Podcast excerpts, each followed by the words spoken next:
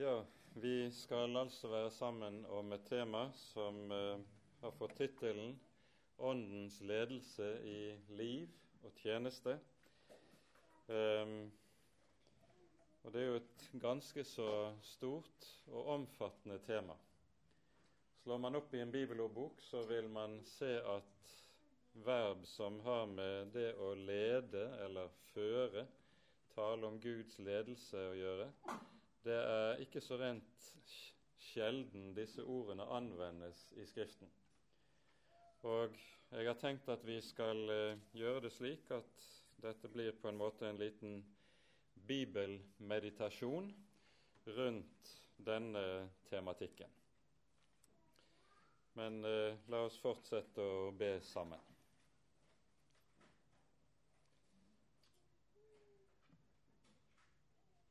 Kjære gode Herre, så er vi altså kommet sammen for ditt ansikt. Og vi ber deg, Herre, om nåde til å kjenne dine veier, kjenne dine tanker og kjenne din grenseløse kjærlighet. Herre, kom med din Hellige Ånd og bo iblant oss. Amen.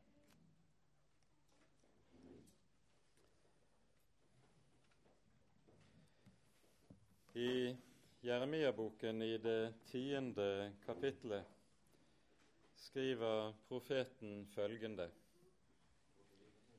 Jeg vet, Herre, at et menneske ikke selv rår for sin vei, og at det ikke står til vandringsmannen å styre sin gang.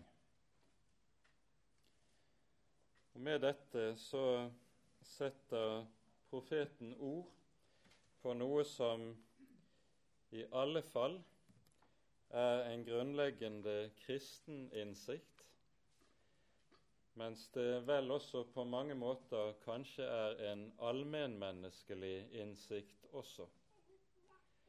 Selv om vi nok ikke alltid liker å tenke slik. Eh, vi har noen parallelle ord i ordspråksboken. I Ordspråksboken i det tyvende kapittelet leser vi følgende i vers 24.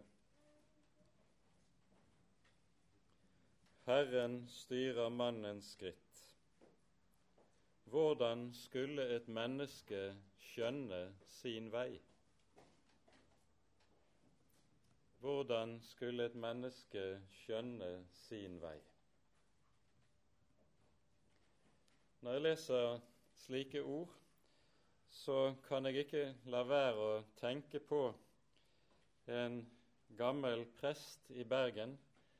Han eh, døde noen par år etter at jeg var begynt på min første tjeneste i Bergen domkirke. Han var selv pensjonist allerede da. Jeg traff han innimellom, og han gikk i domkirken også når han hadde mulighet til det. Og alltid når vi snakket sammen, så, og vi skulle skille lag, så sluttet han, sa han farvel alltid med følgende ord. Vi kommer ingen steder uten at Vår Herre tar oss i hånden og leder oss frem. Og med det så anvender denne gamle prest et bilde som er uhyre grunnleggende i Den hellige skrift. Det er bildet av det lille barnet som, tar, som far har i hånd, og så går de på veien. Jeg tror at med dette er vi også inne i noe som er helt sentralt i Den hellige skrift skal vi tale om Guds ledelse, så kommer vi ikke utenom Jesu tale om det å være barn. Vi husker vel alle sammen Jesu ord i Matteusevangeliets 18. kapittel. Ved flere anledninger så har disiplene diskutert seg imellom hvem av dem som er den største. Og så er det ved en anledning disiplene også våger seg frem til Jesus og spør hvem er den største i himlenes rike? Han kalte da et lite barn til seg og stilte det midt iblant dem og sa:" Sannelig sier jeg dere, uten at dere omvender dere og blir som barn, kommer dere slett ikke inn i himlenes rike. Den som gjør seg liten som dette barn, han er den største i himlenes rike. Med dette er vi altså inne i noe som er fundamentalt, noe som er sentralt i Den hellige skrift. Og samtidig noe som går så rakt på tvers av det som kjennetegner det falne mennesket, det naturlige mennesket. Vi kjenner vel til alle sammen det som har vært prosjektet for modernitetens menneske like fra opplysningstiden av, det er å realisere det myndige mennesket. Mennesket er en skapning som skal klare seg på egen hånd, uten noen Gud som til å støtte seg på, uten den slags krykker. Og en har sett på den gamle kristne tro som et slags menneskehetens barnestadium, som målet er å fri seg fra, komme ut av, mennesket skal bli myndig. Men Jesus sier fortsatt det samme, uten at dere omvender dere og blir som barn, kan dere ikke komme inn i himlenes rike. Og Det er dette som ligger bakom hele Den hellige Skrifts tale om hvorledes Han som er Gud, leder sitt folk. Og Vi hører tale om Guds ledelse både av sitt folk som fellesskap og av den enkelte troende når det gjelder hans konkrete liv her i verden. Begge deler. Vi kan begynne kanskje med å se på et lite ord som uh, vi finner i 2. Moseboks 13. kapittel, der vi hører om Israel etter utgangen av Egypt. Her får vi også høre om hvorledes Herren går foran folket i en skystøtte om dagen for å lede dem på veien og en ildstøtte om natten til å lyse for dem. Men det står så underlig i eh, ordene før dette, i vers 18, følgende Gud førte folket omveien gjennom ørkenen mot Rødehavet. Så dro Israels barn fullt rustet ut av landet Egypt. Han førte dem omveien. Og dette at Gud fører sitt folk på omveier, det tror jeg kanskje er den første saken som vi skulle stanse opp for. Den raskeste veien det var jo å dra fra Egypts grense nord gjennom Sinai langs Middelhavet, og så ville man være i det lovede land i løpet av en knapp uke. Det var den raske veien. Men Herren fører ikke sitt folk snarveien. Han fører dem en omvei, ut i ørkenen. Og Dette minner oss jo om og lærer oss for det første dette at når Herren fører sitt folk, så fører han dem aldri nødvendigvis på det som er raskest, enklest og lettest. Det ønsker vi. Det er det som ligger oss for hånden, det er det vi som er mest behagelig for oss. Men han fører dem altså omveien ut i ørkenen. Og vi vet hvor den omveien ledet henne. De ble ført sydover mot Sivhavet eller Det røde hav, og der de opplevde at alt var stengt. De når havet, og der er ingen vei videre. Og så kommer farao med sin hær bak, og så er folket lukket inne. Og så kunne man med den menneskelige fornuft være fristet til å tenke at Gud kan umulig ha ført oss hit, for nå sitter vi i klemmen. Det er jo ingen vei, verken ut eller inn, verken frem eller tilbake. Men Herren har altså ført dem inn i en situasjon som er helt umulig menneskelig talt.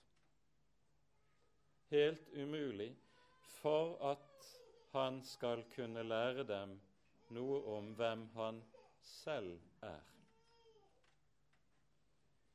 Og dette er Guds omveier.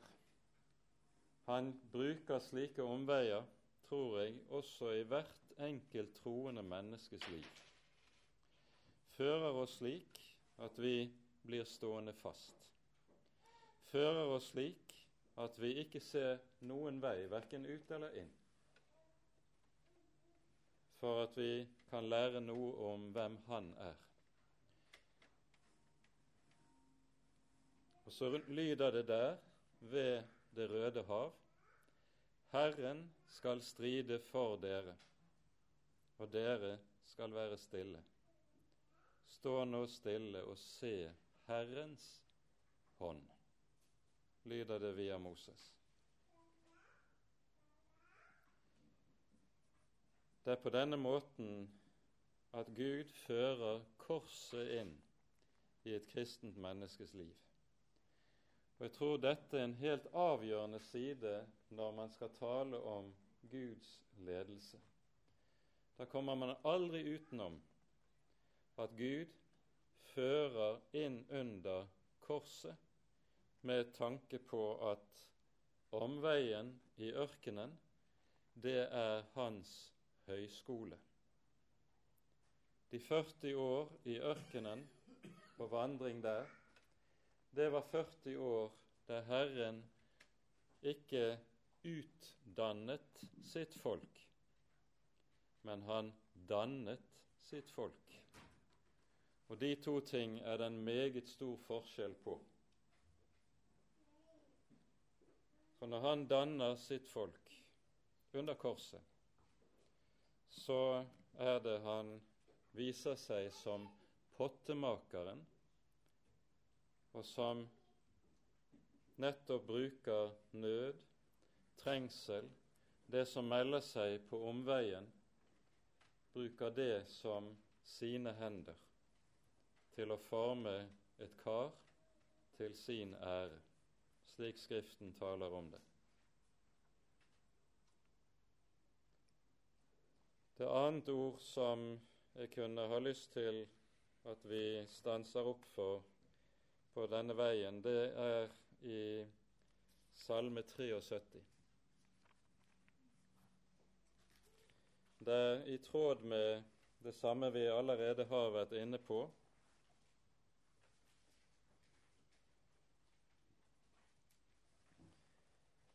Det er ord som er kjære ord for mange kristne. Vi leser fra vers 23 i Salme 73. Men jeg blir alltid hos deg. Du har grepet min høyre hånd. Du leder meg ved ditt råd, og deretter tar du meg opp i herlighet. Hvem har jeg ellers i himmelen? Og når jeg bare har deg, begjærer jeg ikke noe på jorden.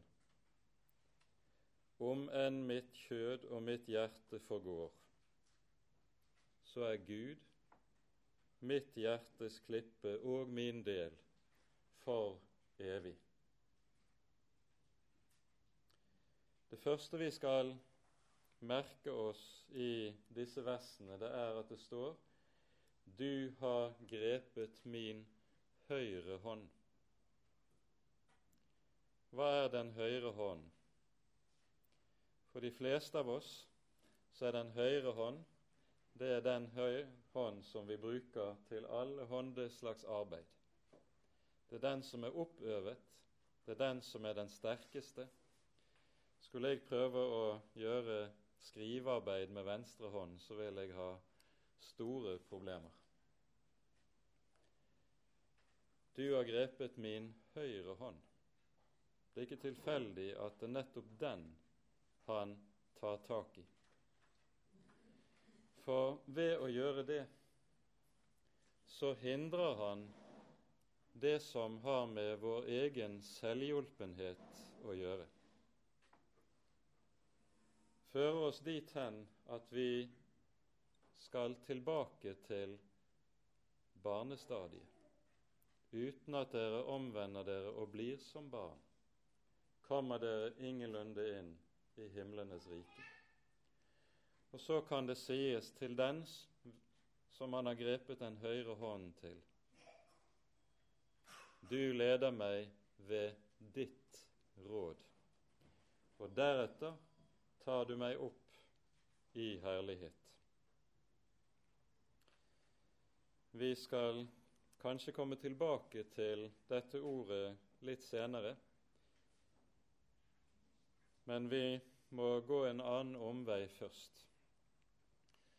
Og det er via et ord i Jesaja-bokens 53. kapittel og det sjette verset. Der sies det følgende Vi for alle vil som får. Vi vendte oss hver til sin vei.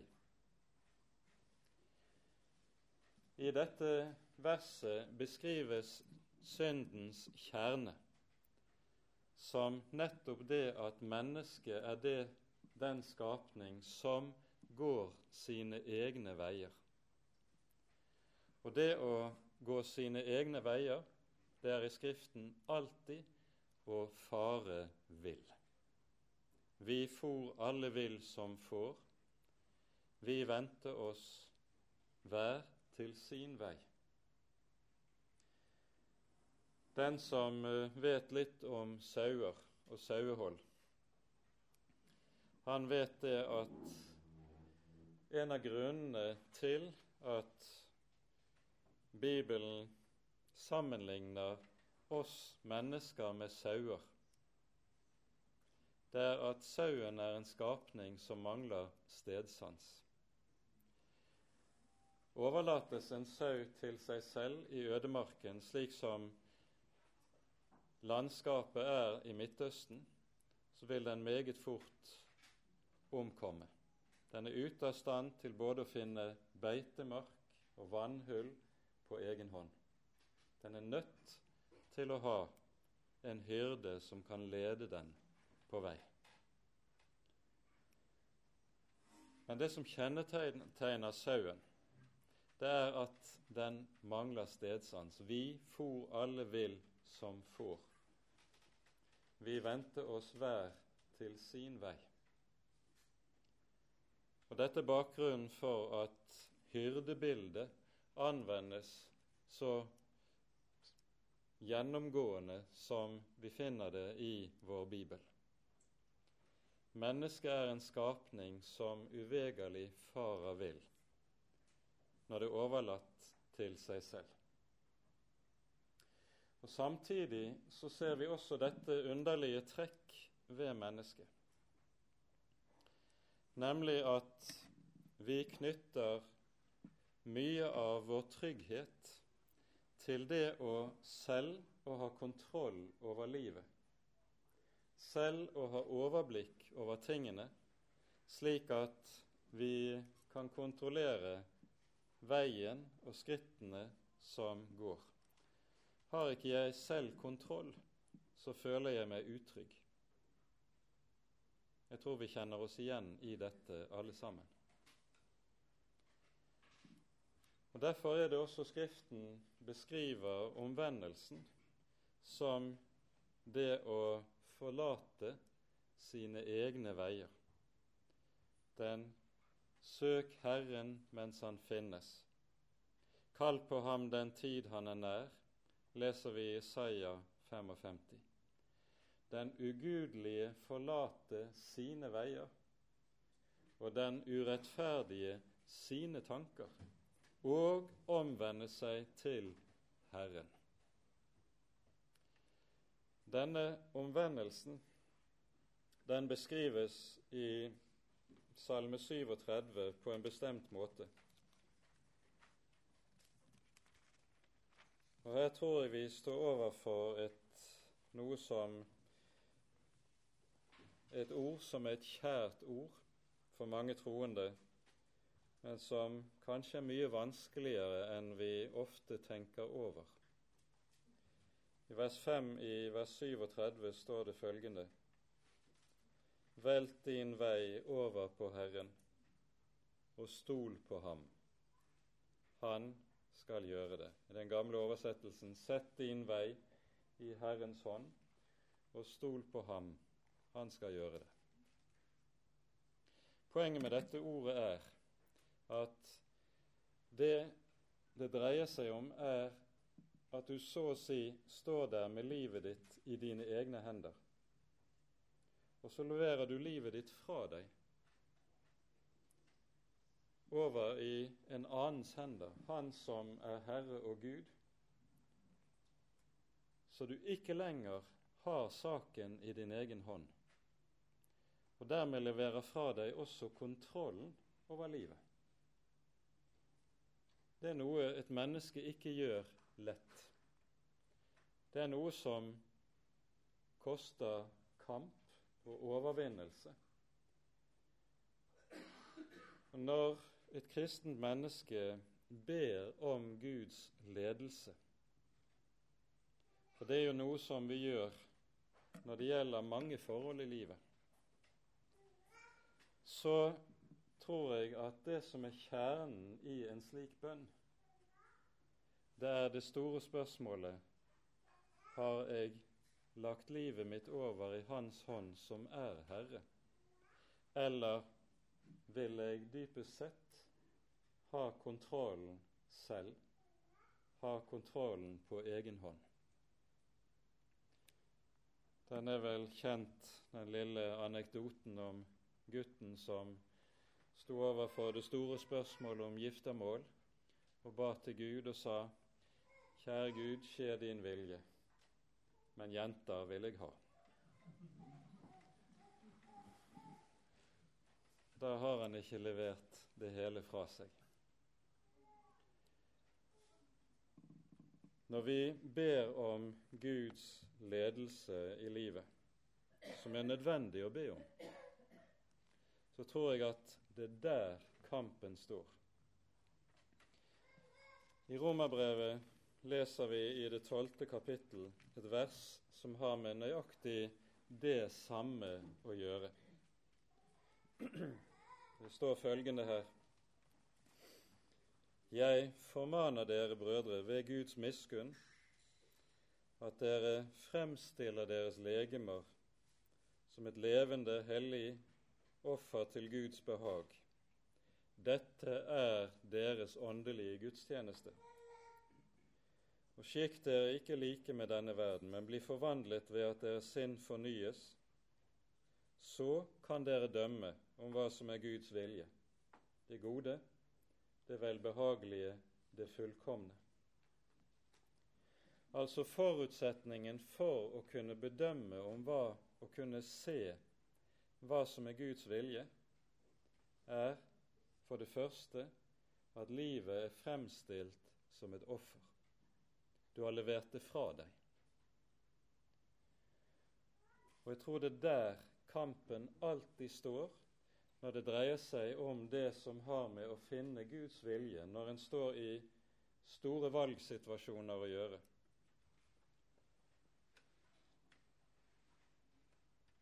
Kampen står nemlig nettopp der om jeg får levere det hele fra meg og si 'skje din vilje'. For det blir gjort, så blir det å se hva som er veien, det kommer så å si av seg selv. Det blir ikke vanskelig i det hele tatt.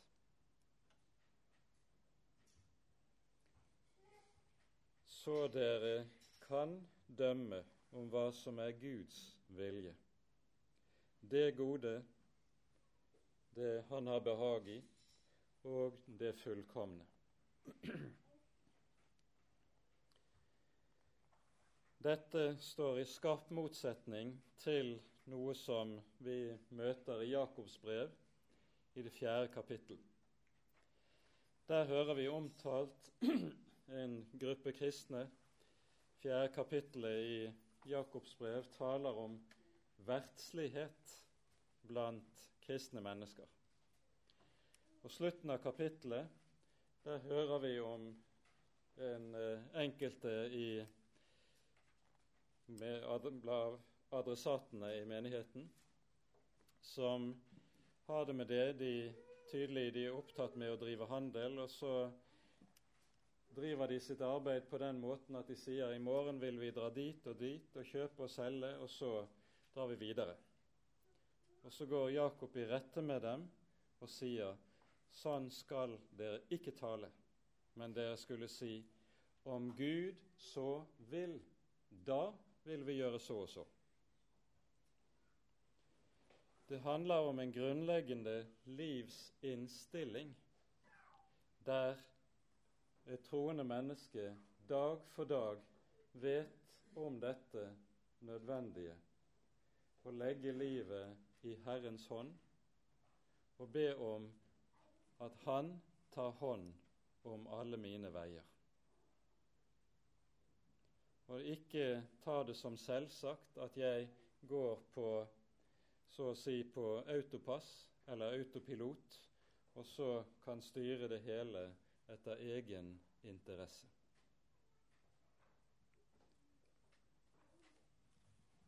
I Jesaja-boken i det 58. kapittel så går Herrens profet i rette med uh, den typen Unnskyld meg.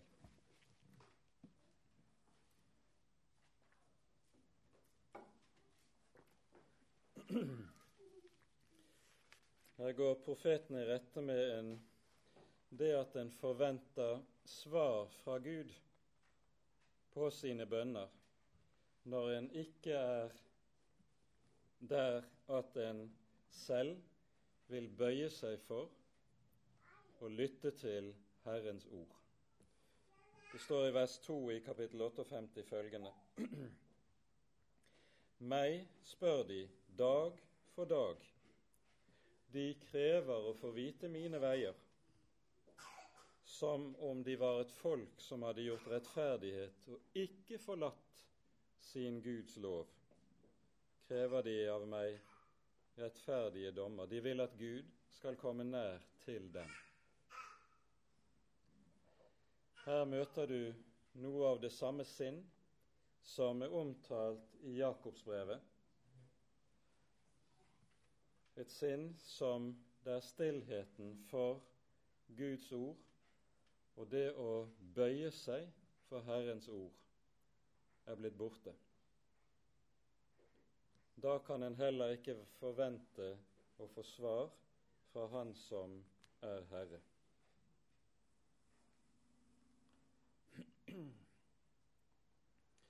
Nå er det sånn at når Gud leder et menneske, og leder oss alle, for det gjør Han, så kan Han gjøre det på to vis.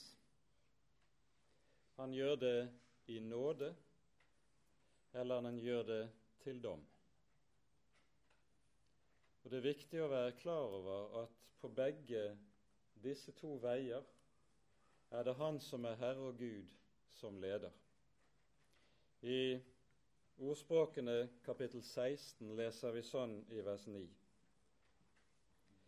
Menneskets hjerte tenker ut sin vei, men Herren styrer hans gang. Vi kan tenke ut hva vi måtte ville, men i siste instans er det Han som er Herre, som styrer. Og når Han styrer på den måten at Han styrer et menneske inn under sin dom, så skjer det regelmessig på en ganske bestemt måte, nemlig at han lar mennesket få sin egen vilje. Dette er omtalt en rekke steder i, eh, i Skriften. Kanskje Salme 81 er den tydeligste i så måte. Mitt folk hørte ikke min røst. Israel ville ikke lyde min lov. Så lot jeg dem fare i sitt eget hjertes hårhet etter sine egne veier. Det er Gud som styrer dem, som Gud som lar mennesket få sin egen vilje. Og så er nettopp det til dom. Men det mennesket som slik får lov til å gå sine egne veier, det vil subjektivt oppleve det som at nå lykkes jeg. Nettopp dette, denne opplevelsen subjektivt av egen vellykkethet er kanskje et av de alvorligste faresignalene som vi finner i Guds ord. I denne sammenheng skulle vi kanskje minne om et ord fra, som stammer fra en av Kai Munchs prekener. Han sier i en sammenheng følgende Gud har forlatt oss, derfor har vi det så godt ord som er vel verd å tenke på i den situasjon som vi er i i våre nordiske land. Gud har forlatt oss. Derfor har vi det så godt. Vi får det sånn som vi vil ha det. Og så har Han som er Herre, trukket seg tilbake.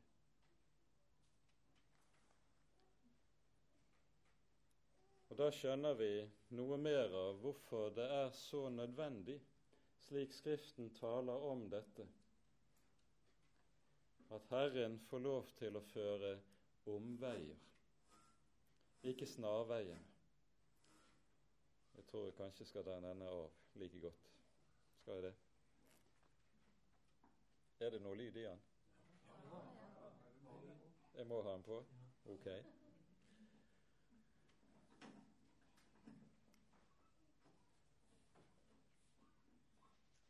Er det lyd? Nå var det plutselig bedre. Ja vel. Vi skjønner mer av, i alle fall, hva det vil si at Han som er Herre, må føre på omveier. For det ser ut til at det ligger for oss Det har med vår natur å gjøre som fallen skapning. At når vi lykkes, så tar vi det alltid til egen inntekt. Det blir alltid til mettelse for kjødet på en eller annen måte, ser det ut til.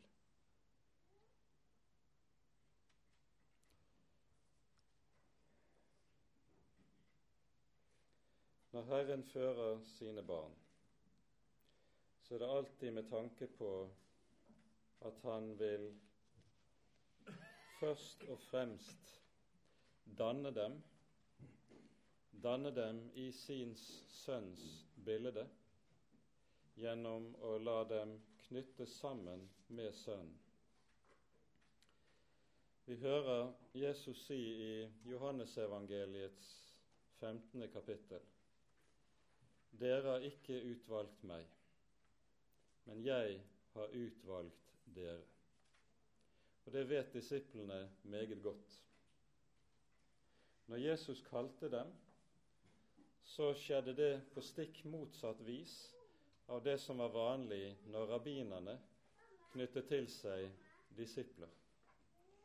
Da oppsøkte en ung mann en rabbiner som han hadde tillit til, og ba om å bli tatt opp i følge som disippel. Med Jesus var det altså stikk motsatt. Han plukket ut en Peter og en Andreas der i båtene, en Matteus på tollboden osv. Og, og vi hører i Markusevangeliets tredje kapittel, når Jesus endelig plukker ut de tolv, kaller dem apostler, gir dem dette som tittel, så står det han valgte ut tolv for at de skulle være med ham. Det er uttrykket som er brukt. Det står 'for at de skulle være med ham'. Og det er jo det som var hele poenget med disiplenes liv med Jesus i de tre årene Jesus vandret sammen med dem. Jesus sier ved avslutningen av vandringen i sin ypperste prestelige bønn følgende.: Fader, jeg vil at der hvor jeg er, der skal de du har gitt meg, være hos meg, for at de skal se min herlighet. Det var det det hadde handlet om i de tre årene de hadde vandret med Jesus. De skulle være med ham for at de skulle se hans herlighet. De hørte hans ord, og gjennom det så de hans herlighet. De så hans gjerninger, gjennom det så de hans herlighet. Og det er dette som dypest sett er Guds hensikt med førelsen av hvert eneste kristent menneske. Vi tenker ofte at spørsmålet om Guds ledelse det dreier seg om hva vil Han lede meg til at jeg skal gjøre? Det kan være viktig nok, det, kanskje. Men jeg tror det er noe annet som er langt, langt viktigere. Og det er noe av det vi her er inne i. Og Da vil jeg gjerne at vi tar frem noen ord fra Efeserbrevets annet kapittel.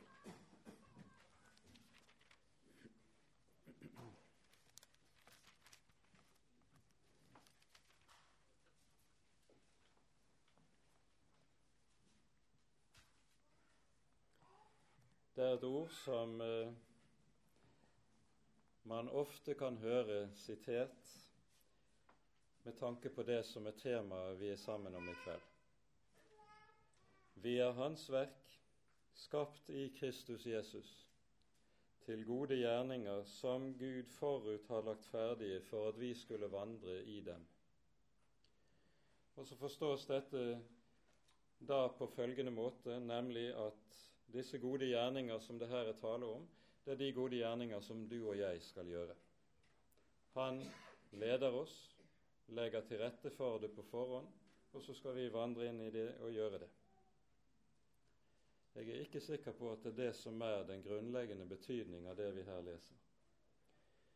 For sammenhengen her, det er ordene vi leser ifra eh, Ja, vi får nøye oss med noen vers forut fra vers 6 av.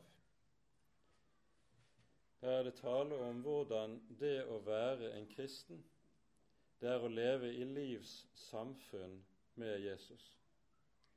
Det står Han reiste oss opp sammen med ham og satte oss med ham, sammen med ham, i himmelen. Tenk på det. Et forunderlig ord. Vi er vant til når vi taler om dåpen, at vi taler om at det å være en kristen, det er å forenes med Kristus i hans død og i hans oppstandelse. Det gamle mennesket korsfestes og begraves med ham i dåpen. og så reises det opp et nytt menneske som er forenet med Kristus i hans oppstandelse. Men her gås det ett skritt videre. En kristen er også forenet med Guds sønn i hans himmelfart, og satt med ham i himlene, står det. Og så kommer det en hensiktssetning i det følgende vers. Og Legg merke til det. Hvorfor har Gud gjort dette? For at Han i de kommende tider kunne vise sin nådes overveldende rikdom i godhet mot oss i Kristus Jesus. Jeg vil at der jeg er, skal de du har gitt meg, være hos meg, for at de skal se min herlighet. Å se Kristi herlighet, det er å se evangeliet. Å se Kristi herlighet, det er å se dette mysteriet. Frelsens uendelige og usigelige rikdom. Frelsens under. Og Når vi så kommer til det tiende verset, så henger det altså sammen med det vi leser her i vers 7. Vi er Hans verk skapt i Kristus Jesus til gode gjerninger. Det er nemlig de gode gjerningene Gud gjør i sin Sønn, og som er omtalt i vers 7 det her er tale om, som en kristen skal få lov til å leve i og vandre i. Det Faderen alltid er opptatt med, det er én ting det er å lede oss inn til Sønnen, for at vi skal se Sønnens herlighet. Og hva Han enn leder oss i og igjennom her i livet, så er det det som er den grunnleggende hovedsak for at vi skal se Hans herlighet. Det er det det dreier seg om i Efesane 2.10. Å se rikdommen i Guds egen sønn. Og så kan en kristen på denne bakgrunn hvile i ord, slik vi finner så mange av dem i Salmenes bok. I din hånd er alle mine tider. Du forløser meg, Herre, du trofaste Gud. I versene forut er det tale om hvorledes Han som er Herre, forløser ved sin store nåde og ved sin store rikdom. Vi kunne kanskje i denne sammenheng få da minne om hvordan Salme 31 innledes. Til deg, Herre, tar jeg min tilflukt. La meg aldri i evighet bli til skamme. Frels meg ved din rettferdighet. Led meg ved din rettferdighet, står det i en av de andre salmene. I dette ligger det et usigelig løfte. For hvis det er slik at Herren leder ved sin rettferdighet, så innebærer det at han ikke leder på grunnlag av min rettferdighet, dvs. Si på grunnlag av min helliggjørelse. At jeg lykkes i mitt kristenliv. Men jeg skal få lov til å regne med det som står i Salme 25. Herren er nådig og rettferdig. Derfor lærer han syndere veien. For det å være en kristen, det er fortsatt å være en synder. I Kristus er jeg fullkomment rettferdig, men synden står der hele veien, og jeg er avhengig av at skal Han lede meg, så skjer det for sin egen rettferdighets skyld, ikke for min rettferdighets skyld. Det skjer ikke fordi jeg lykkes med min kristendom, men det skjer fordi han er trofast og vil holde det løftet han ga gjennom sin sønn. Og så kan en kristen si, i din hånd overgir jeg min ånd, du forløser meg, Herre, Det er kanskje én salme som mer enn noen dreier seg om Guds ledelse i eh, vår bibel, og det er Salme 25.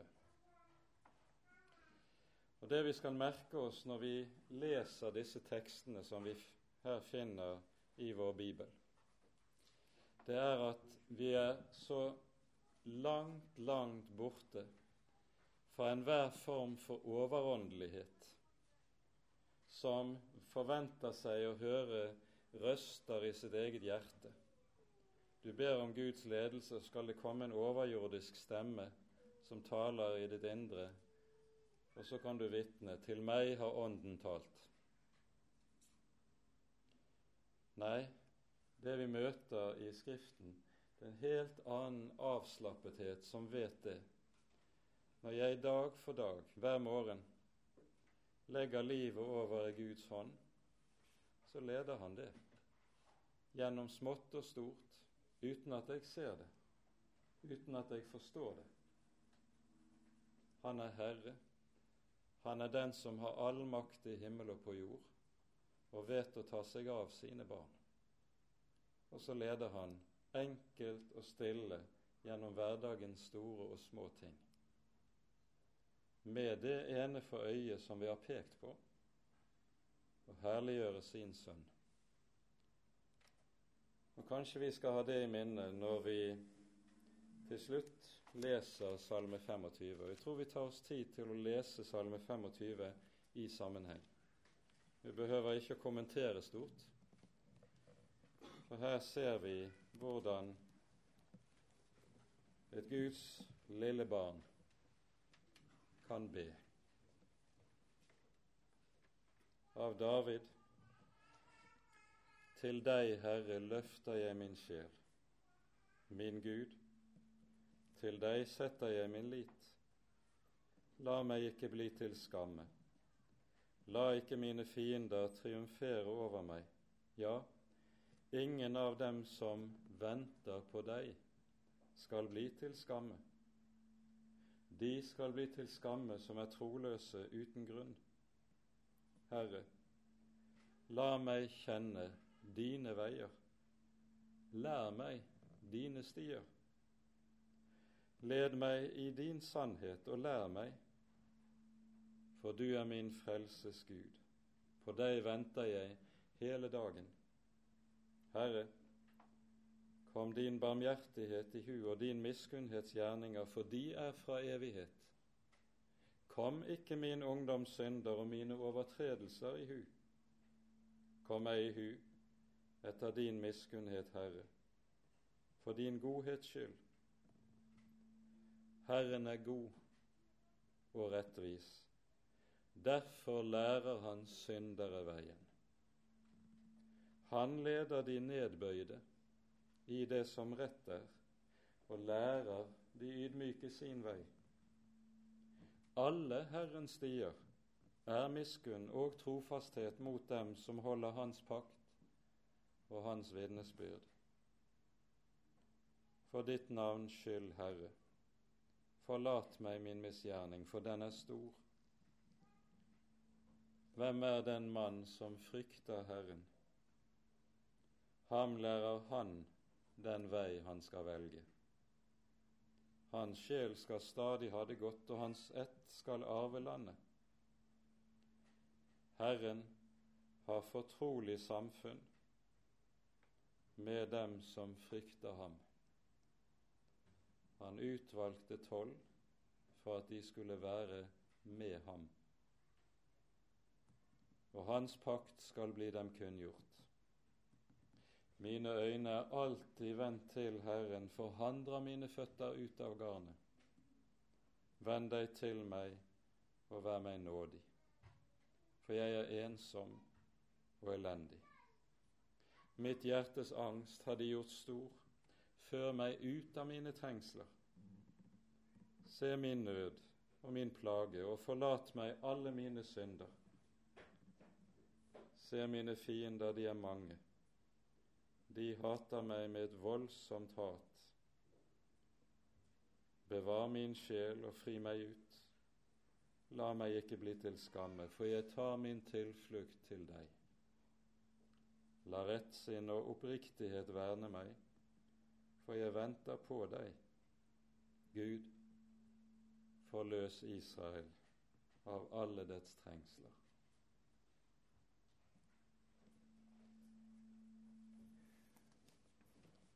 En eh, gammel kristen lærer har sagt det slik